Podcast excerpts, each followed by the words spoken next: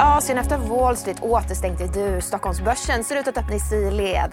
Det är fredag den 14 juli och du har på DI Morgonkoll. Jag heter Sofie Gräsberg.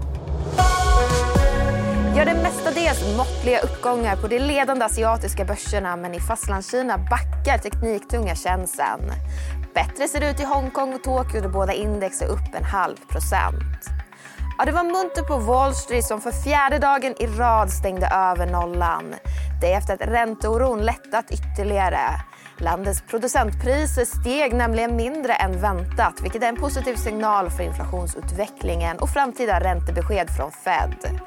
Och på tal om det, Fed-chefen i St. Louis, mm, James Bullard, har meddelat att han kliver ner från sin roll i centralbanken från och med 14 augusti i år. Men så till enskilda bolag, för Googles moderbolag Alphabet fick ett lyft efter att de lanserat sin AI-chattrobot Bard i EU och Brasilien.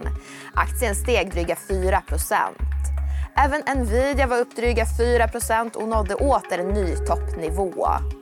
Också Amazon såg toppnivåer och nådde 10 månaders högsta efter att bolaget rapporterade rekordförsäljning under sin Prime Day-försäljning.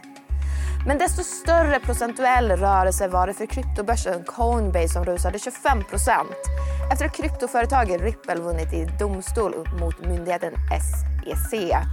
Flera kryptovalutor steg efter beskedet.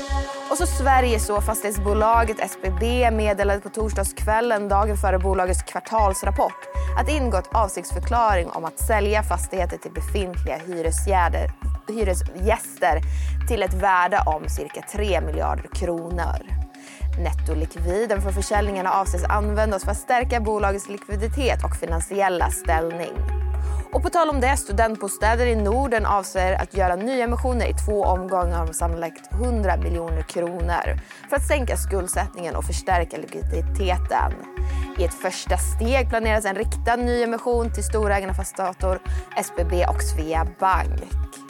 Och fönstertillverkaren Inwido gör sitt största förvärv någonsin det när det går in med 70 i andel i det skotska bolaget City Group som omsätter omkring 800 miljoner kronor. Och senare under dagen får vi bättre koll på den svenska inflationen. För juni väntas den svenska inflationen sjunka i årstakt till 9,1 procent från tidigare 9,7. Det ska i så fall, skulle i så fall bli den fjärde månaden på raken som inflationen sjunker. Och det är en riktigt rapporttung dag idag. Rapportmorgon drar igång strax efter sju och under dagen intervjuas vd från 17 av de rapporterade bolagen. Rapportmorgon släpps även som podd så missa inte det. Men det var allt för den här nyhetsuppdateringen. DI Morgonkollet tillbaka igen på måndag. Jag heter Sofie Gräsberg.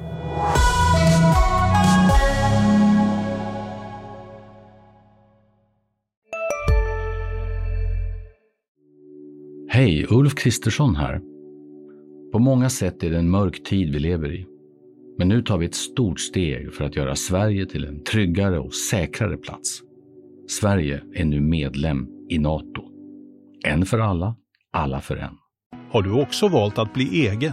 Då är det viktigt att skaffa en bra företagsförsäkring. Hos oss är alla småföretag stora och inga frågor för små. Swedeas företagsförsäkring är anpassad för mindre företag och täcker även sånt som din hemförsäkring inte täcker. Gå in på swedea.se företag och jämför själv.